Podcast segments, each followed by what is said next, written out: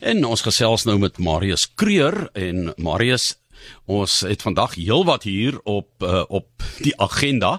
So uh, ons hoor graag van jou waaroor jy vandag wil gesels. Jy sou nou eers in die eerste instansie by my gewees het hier in die ateljee, maar uh, ongelukkig is jy weens die mis vasgevang daar in George, né? Ja, Johan, is is big. Die George mis, die Kaapse mis. Ehm, um, ek weet nie wat dit ek gemis nie, maar in elk geval. uh ja, ons kon nie land nie, so ons moes maar terugkom en ja, ek uh, maar op die raad op die telefoon wees, maar dit is geen probleem nie. Uh Pieter is ook seker aan die ander kant. Kan ek Pieter gou voorstel? Ons gaan nog vir Pieter gou in die hande kry. Ehm um, Pieter wat uh, ook by ons gaan aansluit binnekort en uh, vertel vir ons eers waaroor ons gaan praat vandag. Ja, ek dink uh, Johannes praat 'n bietjie oor die goed wat jy as belegger kan kan uh doen om die opbrengs te optimaliseer. Daar's seker goed wat jy nie kan doen. Jy kan nie beheer wat in die rand gebeur, wat in die markte gebeur nie. Maar daar seker goed wat jy kan doen. En ons bietjie kyk na die wat se impak daarvan op sekere optrede van mense en bietjie ook na rand en sent kyk en miskien na termyne kyk wat dit in jou wat dit in jou aftrede gaan doen. So, dis 'n baie interessante onderwerp. Uh, Prudential het bietjie navorsing gedoen daaroor en ehm um, Pieter is van Prudential gaan vir ons 'n bietjie inligting gee daaroor. Ek wil net gou 'n bietjie hersiening doen van laasweek toe jy by ons gekuier het en toe jy gesê die 3 jaar voor jou aftrede moet jy begin alreeds om die beplanning te gedoen het van wat jy met daardie gelde en goed doen. So ehm um, baie belangrik ook dan ehm um, Marius wat ons nou ongelukkig net daar verloor het, maar ons sal nou met hom gesels terwyl ehm um, Pieter ook by ons aangesluit het. Dis nou Pieter Hugo, hy's bestuurende direkteur van Prudential Effective Trust. Môre Pieter. Goeiemôre Johan, hoe ja. gaan dit daar? Nee, dit gaan goed met jou. Ons kry net gou weer vir Marius in die hande en dan gaan hy saamgesels hierso en ons het nou juis gesê ons wil so 'n bietjie hersiening doen van verlede week voor jy nou lostrek en daardie hersiening het te doen met die laaste 3 jaar voor jou aftrede. Het gesê moet nou nie wag tot 3 maande voor jou aftrede en jy moet jouself as dit ware herrangskik in daardie 3 maande. So ons probeer net gou vir hom in die hande kry daaroor. Maar hy sê julle het baie navorsing gedoen Pieter oor ons tema wat jy as belegger kan doen om jou opbrengste optimaliseer. So uh, ons gaan uh, binnekort net met Marius ook weer gesels wat by ons gaan um, aansluit het en hoor by hom wat julle alles vandag op die hart het en Marius is ook nou weer terug by ons. Marius, jy het gesê ou moet 3 ma 3 jaar, nie 3 maande voor jy aftree, moet jy jou beplanning reeds begin doen en dit sluit eintlik aan aan ook by ons gesprek, né?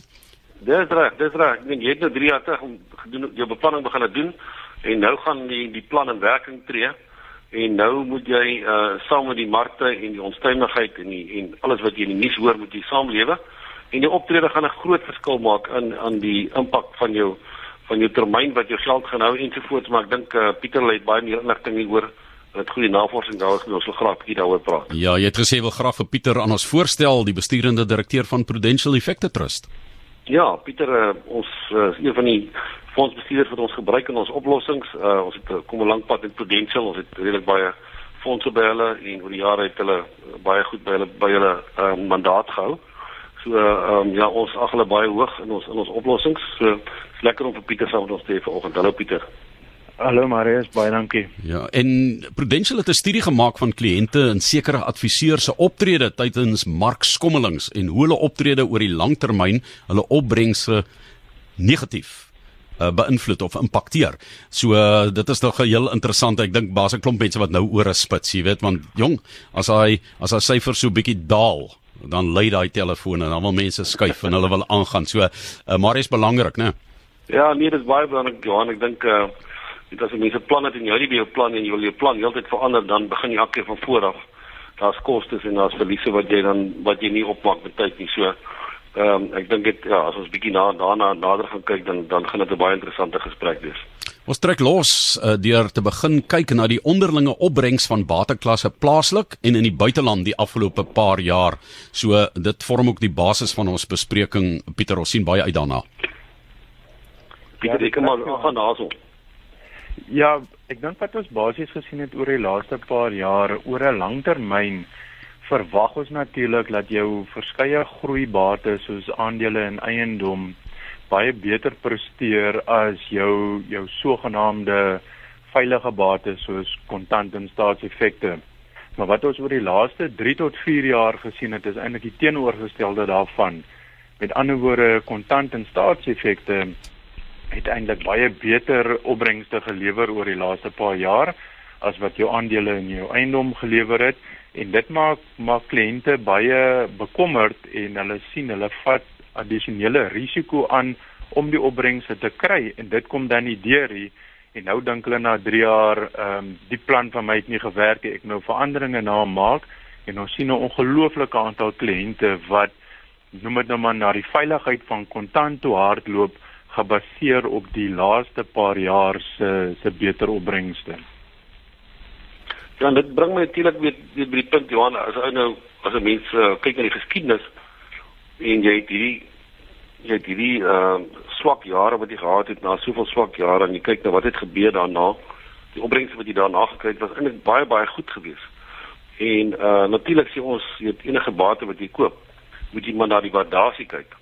En as ons nou waardasies kyk plaaslik en buitelandse aandele en mense sien uh, wat is ons historiese waardasies en waar is ons nou dan lyk ons aandele en ons eiendom eintlik op die stadium baie goed geprys terwyl uh goed soos koöperatiewe effekte en staatseffekte en daai goed is al redelik vol geprys so ehm um, ja ek dink dit is dis is eintlik die probleem wat jy nou het as jy na die waardasies kyk dan lyk die die bates wat swak gedoen het lyk aantreklik en die opbrengs wat hulle vir jou gaan gee behoort baie beter te wees. Maar mense kyk nie daarna nie, hulle kyk na die geskiedenis en hulle daarvan om die triespeeltjie te kyk. Maar maar Marius kan ons dit vergelyk byvoorbeeld plaaslike aandele met uh, eh, FSA aandele. Is is daar sulke tipe vergelykings wat ou behoort te tref en en kan tref? Ja, ek dink Pieter, jy kan dit so 'n bietjie daar doen. Ek dink jy het die inligting oor die oor die oor die waardasies van dit ons byvoorbeeld ons mark teen buitelandse markte. Ja, absoluut Marius. Ehm um, Johan ook, ek dink as ons na Suid-Afrikaanse aandele kyk, ehm um, in terme met hulle eie geskiedenis, Suid-Afrikaanse aandele uh goedkoop op hierdie stadium en in vergelyking met sy eie geskiedenis is dit uh slegs in 2008 goedkoper gewees as wat dit tans is. Waar as jy nou oorseese aandele kyk, wat natuurlik baie fantasties gedoen het oor die laaste paar jaar, veral van 2008 af, is dit uh, effens duurder as sy langtermyn uh, gemiddelde, maar nog steeds ons sien baie goeie waardasies. Ek dink die Amerikaanse mark het, het redelik goed gehardloop die laaste paar jaar. So hy lyk effens aan die duurkant, maar veral jou uh, ontleikende markte waarvan Suid-Afrika natuurlik een is, lyk vir ons baie goedkoop op hierdie stadium en ons sien baie goeie geleenthede as ons kyk na die waardasies en en daarom ook wat die toekomstige opbrengste van hierdie bateklasse kan wees. Ehm um, maar ja, soos soos Marius ook gesê, die kliënte kyk na wat het hierdie bateklasse in die laaste 2, 3, 4 jaar gedoen en dan lyk dit nie goed nie en, en dan raak hulle bang vir die bateklasse en en hardloop na die die veiligheid van kontant toe. Maar wat ons oor die volgende 3 jaar gaan sien is nie noodwendig dieselfde as wat in die laaste 3 jaar gebeur het nie. Ons gaan kyk na die wisselkoers en die impak daarvan op internasionale uh, beleggings.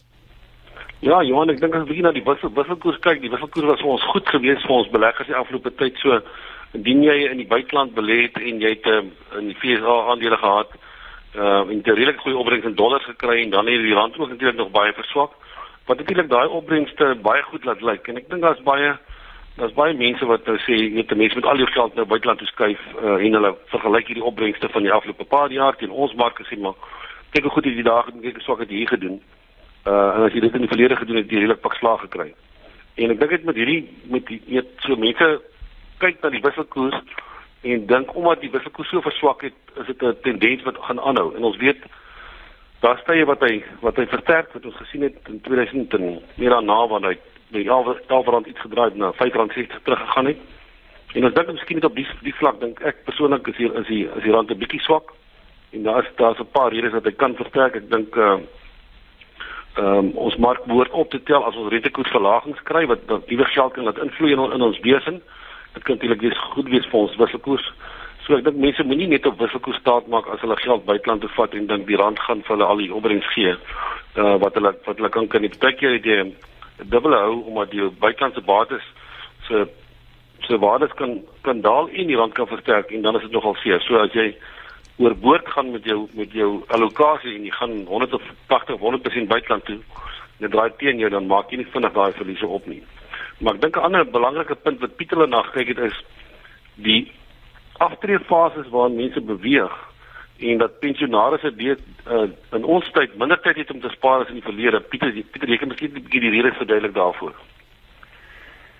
Uh, ja, maar is absoluut. Ek dink um, selfs in in in ons kort leeftyd het die het, het hoe ons spaar vir ons aftrede baie baie verander.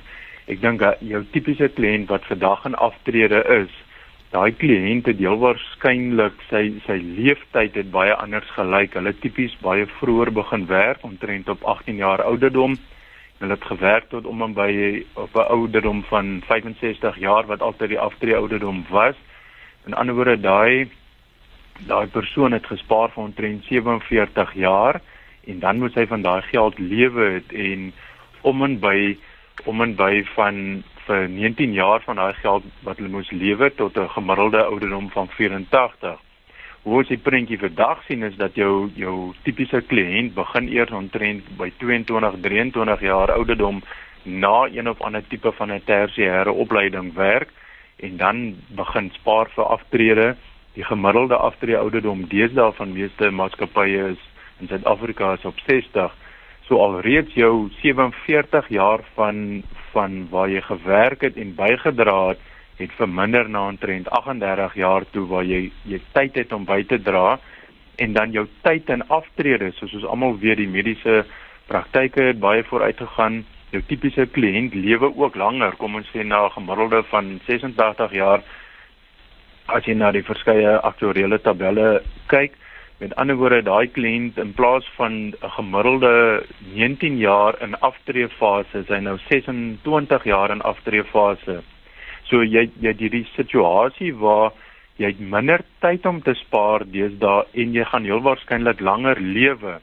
So jy moet baie mooi dink, hoe gaan ek nou my beleggingsstrategie verander om voorsiening te maak vir die vermindering in spaartyd vir elke jaar wat ek moet lewe van daai geld? en ons sien nie altyd dat dat kliënte baie mooi dink oor hoe die prentjie verander het nie. En dan net een een ding wat ook verander het in dieselfde tyd. Ek dink die kliënte sal onthou tipies jou kliënt wat vandag in aftrede is, was heel waarskynlik deel van 'n vaste voordeelfonds in sy lewenstyd waar die waar daai kliënt se se se employer jammer vir die Engelse woord basies al die beleggingsrisiko en die risiko geneem het vir die kliënt wat te lank lewe. Vandag is al ons kliënte is basies in 'n vaste bydrae tipe fonds waar jy baie oulik jou eie potjie geld het waar en waar jy en jou werknemer geld insit, jy subsidieer niemand anders nie. Maar wat basies met hierdie verandering gebeur het is dat die die werknemer neem nou basies van 22 jaar tot wanneer hy eendag doodgaan kom en sê op 86. So vir meer as 70 jaar neem die werknemer nou die volle beleggingsrisiko as ook die volle risiko van lanklewendheid. Ehm um, en dit is 'n baie groot verandering wat ons gesien het en ons wil net kliënte daar patent maak dat hulle dit in berekening moet bring wanneer hulle hulle aftreebeplanning doen. Maar waar kry die beleggers uh, Marius die meeste groei? Is dit in daai in daai boufase of is as jy nou reeds afgetree is?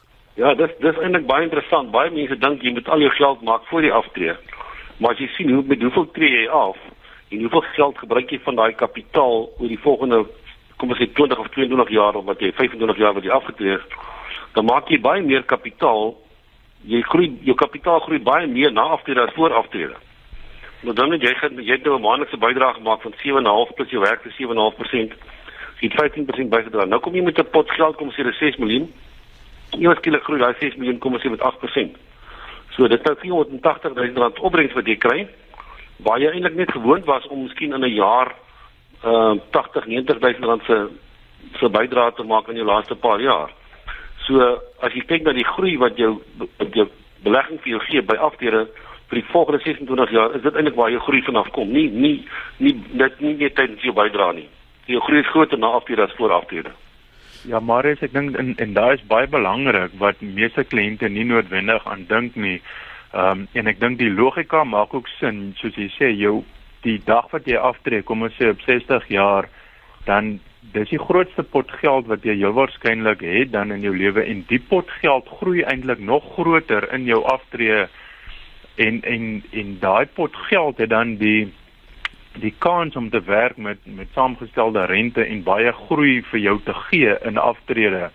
Maar omdat meeste kliënte dink meeste van jou groei gebeur voor aftrede, is hulle redelik gemaklik om in meer aggressiewe fondse, kom ons sê 'n tipe van 'n gebalanseerde fonds te belê tot en met aftrede. En as hulle by die punt van aftrede kom, nou sit hulle en dink dis my enigste pot geld hy moet hou vir die res van my lewe. Ek moet nou ewe skielik konservatief begin belê en met konservatief dink hulle dan moet die volatiliteit in my aftrepot geld wees en die pot geld moet nie minder werd raak nie. En nou begin hulle daai pot geld skuif na kontant of of vaste effekte en hulle beplan dus basies om 'n baie laer beleggingsopbrengs te, te kry van kom ons sê 2% bo inflasie. En dit is waar hulle baie groot toekomstige groei eintlik opgee en en uitmis op daai groei in aftrede. As ons een kant ja, dis die een kant Johan, ek dink die ander kant wat wat ek wil byvoeg is dat Pieter miskien vir ons moet sê, uh Pieter, jy het nog 'n bietjie navorsing gedoen oor die vloei van fondse in die verskillende bateklasse tipe fondse uh in hierdie tye. Met ander woorde, waartoe skuif mense die geld? En wat ek ook wil by uitkom is wat is die impak van hierdie veranderinge wat mense in hulle portefeulje maak? Die vorm van 'n persentasie of 2 en wat is die wat hoe impakteer dit op sy langtermyn ehm um, aftrede van sy kapitaal? Ja, maar as ek dink wat ons veral in die laaste paar jaar gesien het en dit sluit aan met wat ons uh vroeër gepraat het oor wat was die opbrengste oor die laaste paar jaar. So ons sien dat jou jou sogenaamde veilige bateklasse soos kontant en staatseffekte beter gedoen het as jou as jou groeibates. En nou sien ons hoe die geld skuwe en ons kyk na die die die hele effekte trust industrie wat wat bietjie meer as uh 2 trilljoen rand op hierdie stadium is en ons kan sien elke kwartaal hoe vloei die geld tussen die verskillende kategorieë van fondse. En oor die laaste 4 jaar het ons 'n ongelooflike groot skuif gesien waar geld basies gaan na die kontant tipe kategorieë. So jou gewone geldmarkfondse, inkomstefondse en wat ons noem uh multibate inkomstefondse. Dis die drie kategorieë wat die seker die meeste vloeye gevat het in die laaste 12 kwartaale. En dis as gevolg van alle kliënte wat of hulle skuif uit gebalanseerde of konservatiewe gebalanseerde fondse na hierdie kontant kategorieë toe en hulle sit al hulle nuwe geld sit hulle in kontant. En die, en die argument is gewoonlik as jy met hierdie kliënte gesels die die opbrengste was sleg geweest vir die groeibates. So ek sit in kontant en ek wag vir my die mark om te herstel. Maar wat jy nou basies sê is ek het hierdie groeibates nodig. Hulle staan baie goedkoop. Ek gaan sit in kontant en ek gaan wag vir die bates om eers goeie opbrengste te lewer en nadat die goeie opbrengste gelewer het, nou gaan ek in daai bateklasse inkoop wat dan tot 'n mate te laat is. En en dit is waar kliënte uitmis op die groei en soos Marius gesê het, daai groei waarop hulle uitmis, het 'n baie groot impak oor hulle beleggingsleeftyd op die potgeld wat hulle het en die geld waarvan hulle dan basies lewe. Ja, Johan, ek dink ehm um, as ons 'n bietjie na daai syfers kan kyk van Pieterle daarso. Hulle het byvoorbeeld gekyk na ek dink die gemiddelde die gemiddelde uh, verlies wat mense maak met hierdie skuwe wat hulle maak. As jy nou nou kyk as hulle net in die fonds byvoorbeeld gebly het in 'n in 'n gebalanseerde fonds, hulle die persoon uit te gaan in 'n in 'n geldmark of 'n inkomstefonds, nou wag dit die mark 'n bietjie herstel en nou gaan hy terug. Daai daai daai daai persentasie Pieter het die laaste gesê was so plus van plus minus 2.2% tot tot heel wat meer van van baie beleggers. Ja, dis korrek, maar ons het gekyk oor die laaste 16 tot 18 jaar in van al die verskillende fondskategorieë in Suid-Afrika. Dis so lank as wat ons databasies uh goeie data beskikbaar het.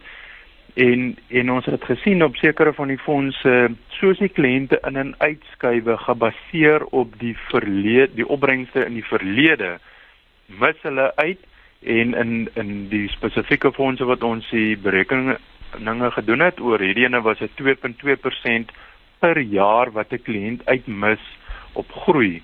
Nou net om dit 'n bietjie in in konteks te sit vir die luisteraars, as jy op 60 aftree met 'n miljoen rand en jy beplan, doen jy al jou berekeninge dat die miljoen rand jou gaan hou tot op ouderdom van 90. As jy daai daai aannames wat jy maak 2.2% minder groei doen, dan hardloop jou geld 9 jaar vroeër uit. In ander woorde, jy verloor amper 'n derde van jou tyd in aftrede en en as gevolg van die skuwe wat jy maak om om groei te probeer jaag of of om weg te hardloop van volatiliteit. En ons sien dit ongelukkig elke dag in die praktyk hoe kliënte hierdie besluite maak gebaseer op die die opbrengste van die verlede en wat hulle eintlik doen is met die oogmerk om hulle self te beskerm, maak hulle eintlik hulle self baie seer in in terme van hulle beleggingsopbrengste. Ja, ek dink dit is nie 'n eenvoudige oplossing nie. 'n Mens moet uh, met jou tydsberekening en geduld korrek wees. Ons moet begin saamvat. So, ehm uh, Marius, 'n laaste boodskap van julle twee se kant af om mense volgens julle filosofie van geld vermeerder en hulle hulle hulle welvaart vir hulle te vermeerder en hulle veilig te laat aftree en so. Ehm um, ons het nou die agtergrond gekry, gesien hoe werk daardie markte. So nou moet jy nou moet jy vir die mense 'n bietjie hoop ook gee. Ja, ek dink dit ehm uh, net Warren Buffett het gesê ehm uh, investment is simple but it's not easy. Dit ander is eenvoudig. As jy by jou plan hou, dan uh, werk die plan gewoonlik. Maar dit is nie maklik om by die plan te hou nie. Dit is nie dis nie maklik om te sien as almal weghardloop en die koerante almal vertel vir jou wat se afgronde wag vir ons en wat 'n groot uh, probleme hier wag in die land om dan jou hande van die veld te hou nie jou adviseer te wil sê ek dink ek ons moet maar liewer hier skuif. Eh uh, in daai daai foute wat jy maak, dis nie goed wat jy as jy dit kan beheer. Dan plaas dit addisionele 2% by jou by jou kapitaal se groei by of jy vat dit nie weg nie. En dit maak 'n groot verskil aan die einde van die tydperk. So wat ek wil sê is die goed wat jy nie kan beheer nie, moenie daaroor bekommer nie, maar kyk na die goed wat jy kan beheer en dis jou gedrag. As jou gedrag verkeerd is, kan dit 7 tot 8 jaar van jou van jou kapitaal wegvat op aftrede. En ek dink dit is 'n dis 'n baie belangrike punt wat mense moet onthou in tye soos hierdie. En projekteer daai navorsing wat jy gele gedoen het ook in die antwoord in van Marius Pieter. Ja Johan, absoluut. Ek dink wat ek stem 100% saam met wat Marius sê. Soos soos ek aan die begin gesê het, jou om voorsiening te maak vir jou aftrede vandat jy die dag begin werk totdat jy die dag doodgaan. Ons praat van 70 jaar om ongeveer. Dis 'n dis 'n baie langtermynprojek wat jy aanpas, aanpak. Maak seker jy het 'n ordentlike plan vir daai 70 jaar. Maak seker jy het die regte hulp in terme van 'n adviseur om jou te help om jou plan te maak. En dan is die groot die die die moeilikste ding is om te doen, bly by jou plan. Maak nie saak wat jy in die koerant lees en wat Trump vanaand getweet het en wat se oorlog is gaan aan of 'n trade war gaan aan tussen China en Amerika nie. Jou plan het nie verander nie. Jy moet bly by jou plan en maak seker in jou plan jy het genoeg groeibates. Dis bates wat kan groei byvoeg na inflasie want oor tyd inflasie is jou grootste vyand jy moet bo inflasie groei kry en dit kom nie so baie van kontant en staatseffekte nie dit kom meer van jou groeibates soos aandele. Maak seker jy het genoeg eh, blootstelling daarna toe. En dan bly jy by die plan en jy probeer wegbly om veranderinge daaraan te maak gebaseer op die nuus wat jy lees of gebaseer op die laaste 2 of 3 jaar se beleggingsopbrengste en weet vooruit jy gaan 'n paar jare van swak beleggingsopbrengste kry. Dis hoe die aandelemark werk. Hmm. hy ongelukkig gaan hy nie in 'n reguit lyn nie. Ehm um, en en berei jouself daarvoor voor voor die tyd voordat jy blootstelling kry en dan bly jy by jou plan. Dis wyse woorde van Pieter Hugo bestuurende direkteur van Prudential Effective Trust